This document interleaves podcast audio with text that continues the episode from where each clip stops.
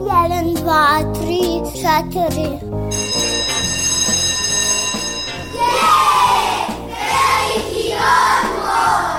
Emisija o obrazovanju i vaspitanju. E, Kad neka vaspitačica kaže da je veliki odmor, onda nešto radite. Jedeš, treniraš, skačeš, julješ se, slušate veliki odmor. Veliki odmor.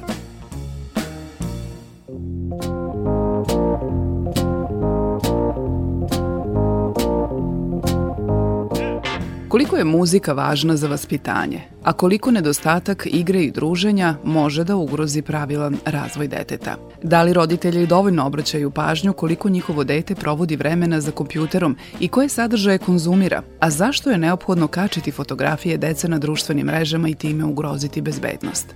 Kako sa tinejdžerima, buntovnicima i zašto je važno da dete bude samostalan đak? Ja sam Biljana Kuriš i na kraju sezone podsjećamo se na najvažnije teme velikog odmora.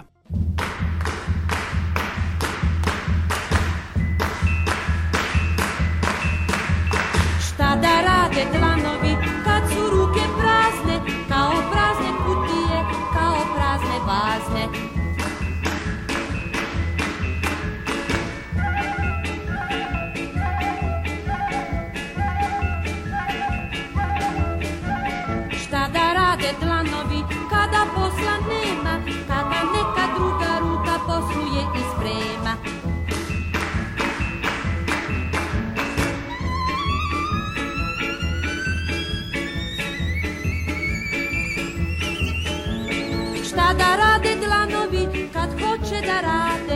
im neka druga ruka poslove pokrade.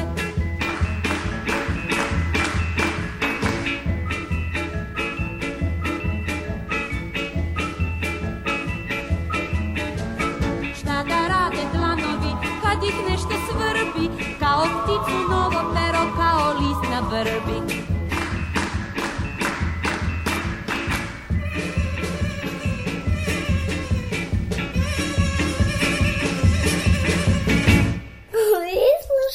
Veliki odmor.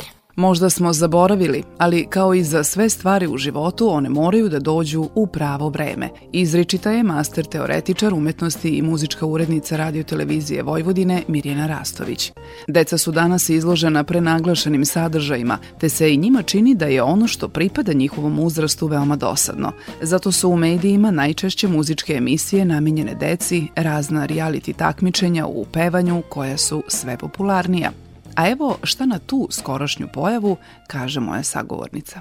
Mislim da je to jedan oblik zlostavljanja dece na koje bi sad država zaista na određeni način, mada, kako da kažem, e, to je opet slobodna volja roditelja. Znači, roditelji svesno izlažu tim situacijama ovaj, svoju decu, samo je pitanje e, šta se dešava sa decom. Znači, tu sad opet možemo da, i trebalo bi da stavimo u fokus dete.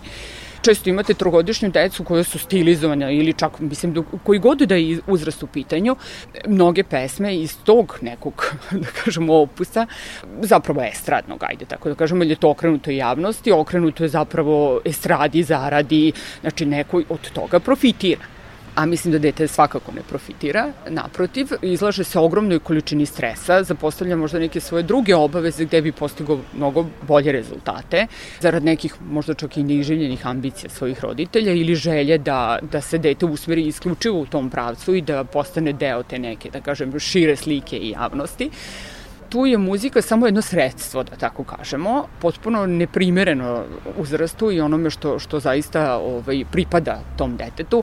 Ja sam nekada zaista fenomenološki okretala te kanale i zaticala da u nekom finalu ili polufinalu dete uživo pevu dva ujutru a na primjer sutra bi bilo logično da ga očekuje škola ili bar neke obaveze oko škole i tog, tog uzrasta, da deca plaču, da su potpuno neprimereno obučena, mislim, za svoj uzrast. To je za mene jedan ozbiljan, ozbiljan problem koji mislim da kao i sa pričom o šundu, odnosno o e, nadirućem e, novom žanru, e, novokomponovane muzike negde 70. godina, čitajući neku literaturu i neke stručne časopise iz tog vremena su već tada ljudi ukazivali na problematiku ovaj, nadiru, nadirućeg kiča i šunda i kako se protiv njega boriti, znači da li s posebnim porezima i tako dalje, da na primer neke estradni umetnici koje neću sada, mislim sad su, kako da kažem, pojam zvezde i da, e, do današnjih dana su uzdignuti do institucije koje zaista imaju pravo da pričaju i o životu i o muzici i tako dalje. Prosto su počeli da nam diktiraju neke i da predstavljaju uzore u svakom smislu tada su muzički stručnjaci govorili da oni za jednu novogodišnju noć zarade godišnju platu univerzitetskih profesora. Znači mi tada pričamo, mi sada pričamo da je to negde sredinom 70. godina. Međutim, mi smo očigledno tu bitku izgubili. Mi volimo veliki odmor. Prema rezultatima istraživanja Deca Evrope na internetu, Srbija prednjači po broju dece mlađe od 13 godina koja koriste društvene mreže. Docentkinja na Filozofskom fakultetu u Beogradu, dr. Dobrinka Kuzmanović, koja je bila deo istraživačkog tima u Srbiji, kaže da je taj procenat oko 50%, što je skoro pet puta više u odnosu na procenat dece uzrasta od 9 do 11 godina koja koriste internet u Nemačkoj. Evropske zemlje su, odnosno zemlje Evropske unije su definisale tu donju granicu, donju uzrasnu granicu, ispod koje nije dozvoljeno koristiti jel, društvene mreže, mislim na decu, jeli, mlade i to je u najvećem broju zemalja 13 godina. U nekim zemljama je recimo i viša ta uzrasna granica. Naprimer imamo Nemačku gde je to 16 godina. I navešću podatak da, da je Srbija prva zemlja po procentu dece koja koriste društvene mreže pre propisanog uzrasta. Mi već imamo veoma visok procenat dece u uzrastu od 9 do 13 godina koja koriste društvene mreže. Dakle, u Srbiji je taj procenat skoro polovina, 45%, a na primjer u Nemačkoj svega 10% dece. Mi smo po broju, odnosno procentu dece koja koriste društvene mreže pre propisanog uzrasta prva zemlja u Evropi Istakla bih i to da deca u Srbiji najviše koriste internet za zabavu i komunikaciju, mnogo češće nego deca iz drugih evropskih zemalja, što naravno ne mora da bude loše samo po sebi, ali nije dobro da deca budu konzumenti digitalnih sadržaja, da koriste samo za zabavu, već je važno da koriste u konstruktivne svrhe, za učenje, za školske aktivnosti, a to zapravo nije slučaj kod nas. Veliki procena dece nikada i ne koristi računar, oni uglavnom koriste svoj mobilni telefon. Jedan od najvećih izazova digitalnog roditeljstva je sharenting. Uz značajnu upotrebu digitalnih tehnologija u skoro svim sferama života i takav izraz je pronašao svoje zasluženo mesto. Reč je o roditeljima koji imaju potrebu da u virtualnom okruženju sa online prijateljima podele informacije i fotografije svog deteta ja primećujem tendenciju roditelja mlađe dece. Recimo, postoje, evo kad pretražimo na Google, postoje ti roditeljski blogovi i vlogovi gde roditelji zapravo po mesecima prikazuju fotografije svoje dece jer na taj način nekako jel, promovišu pozitivnu roditeljsku praksu, jel, odnosno savjetuju drugim roditeljima kako, kako i šta da rade u odgajanju njihove dece, ali kažem to je zaista ponašanje koje može biti rizično i po samo dete, a i, i po roditelja. Slušate Veliki odmor.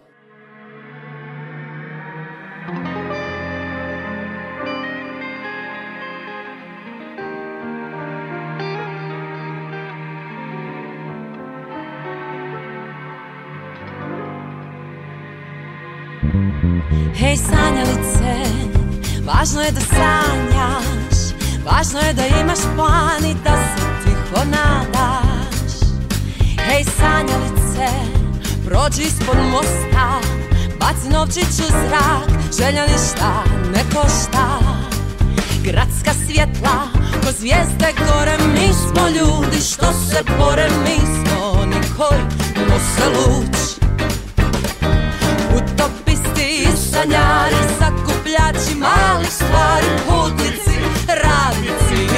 i muzičari.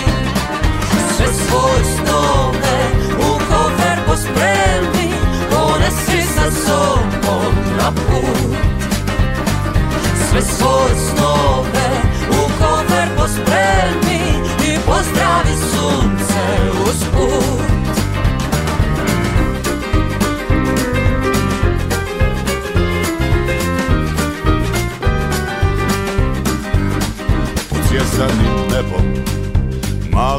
sitan Nisi ni svjestan da možda si ti svemiru bitan. Tu si da stvaraš Tu si da želiš. Uzmi životu baš sve nek date Sve što poželiš. Što su snovi tvoji tijeli Daju li nam što smo htjeli? Sklopi oči sanjaj Pusti neka srce želi Što su snovi tvoji tijeli Uzeti da li svojih smjeli? Bez njih stara moja Na što smo se sveli? Sve svoje snove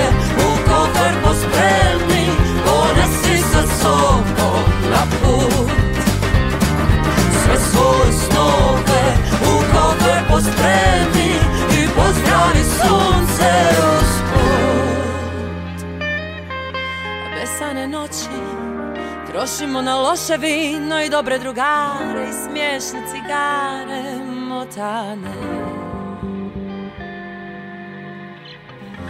Besane noći Trošimo na loše vino i dobre drugare I pričamo i trošimo pare Koje nemamo.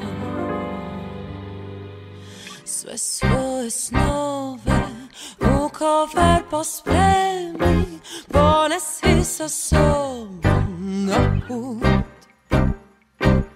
sve svoje snove u kofer pospremi i pozdravi sunce uspod.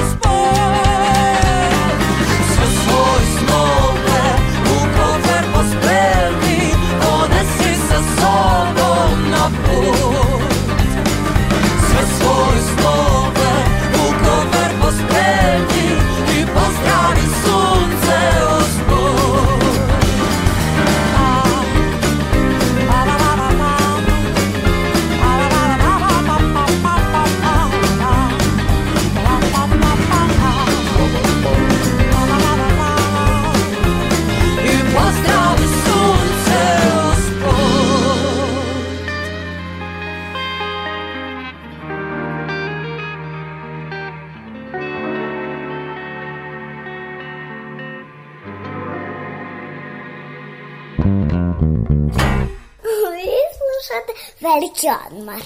Većina roditelja na početku školovanja svoje dece preuzima obaveze koje su dečije, pa tako sve domaće zadatke rade sa decom, što je, kako kaže koordinatorka udruženja roditelja Matica i autor bloga Lični razvoj Biljana Grković, suprotno onome što je bitno za razvoj samostalnosti kod dece.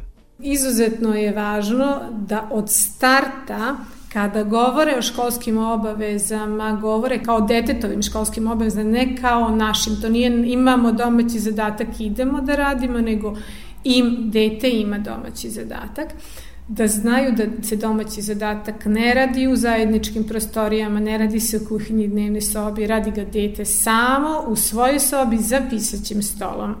Kada je dete tu, potrebna pomoć ili podrška i kada ona ono iz te sobe vikne mama, ne znam, ne razumem, onda ne ide mama ili tata tamo u sobu, nego dete dolazi kod roditelja koji se bavi nekom drugom svojom aktivnošću i samo na trenutak zastane da jednu kratko povratnu informaciju detetu o tome šta dete, šta mu je tu nešto nejasno ili šta mu je dilema. E, roditelj treba da ima svest o tome da kad sedne da radi s detetom, da mu zapravo pravi jednu medveđu uslugu, da polako ono preuzima odgovornost kako ono preuzima tako deteta se skida odgovornost i da se sve to dešava zato što to mama i tata hoće I onda naravno ne razvija ni to samopouzdanje, ni volju i dugoročno gledano ta deca koja su naviknute da neko se njima radi nikad ne postižu, naravno osim ukoliko se nešto promeni značajno na tom polju, nikad ne postižu neke bitne i značajne rezultate. Emisija o vaspitanju i obrazovanju. Slušali ste Veliki odmor Radio Novog Sada.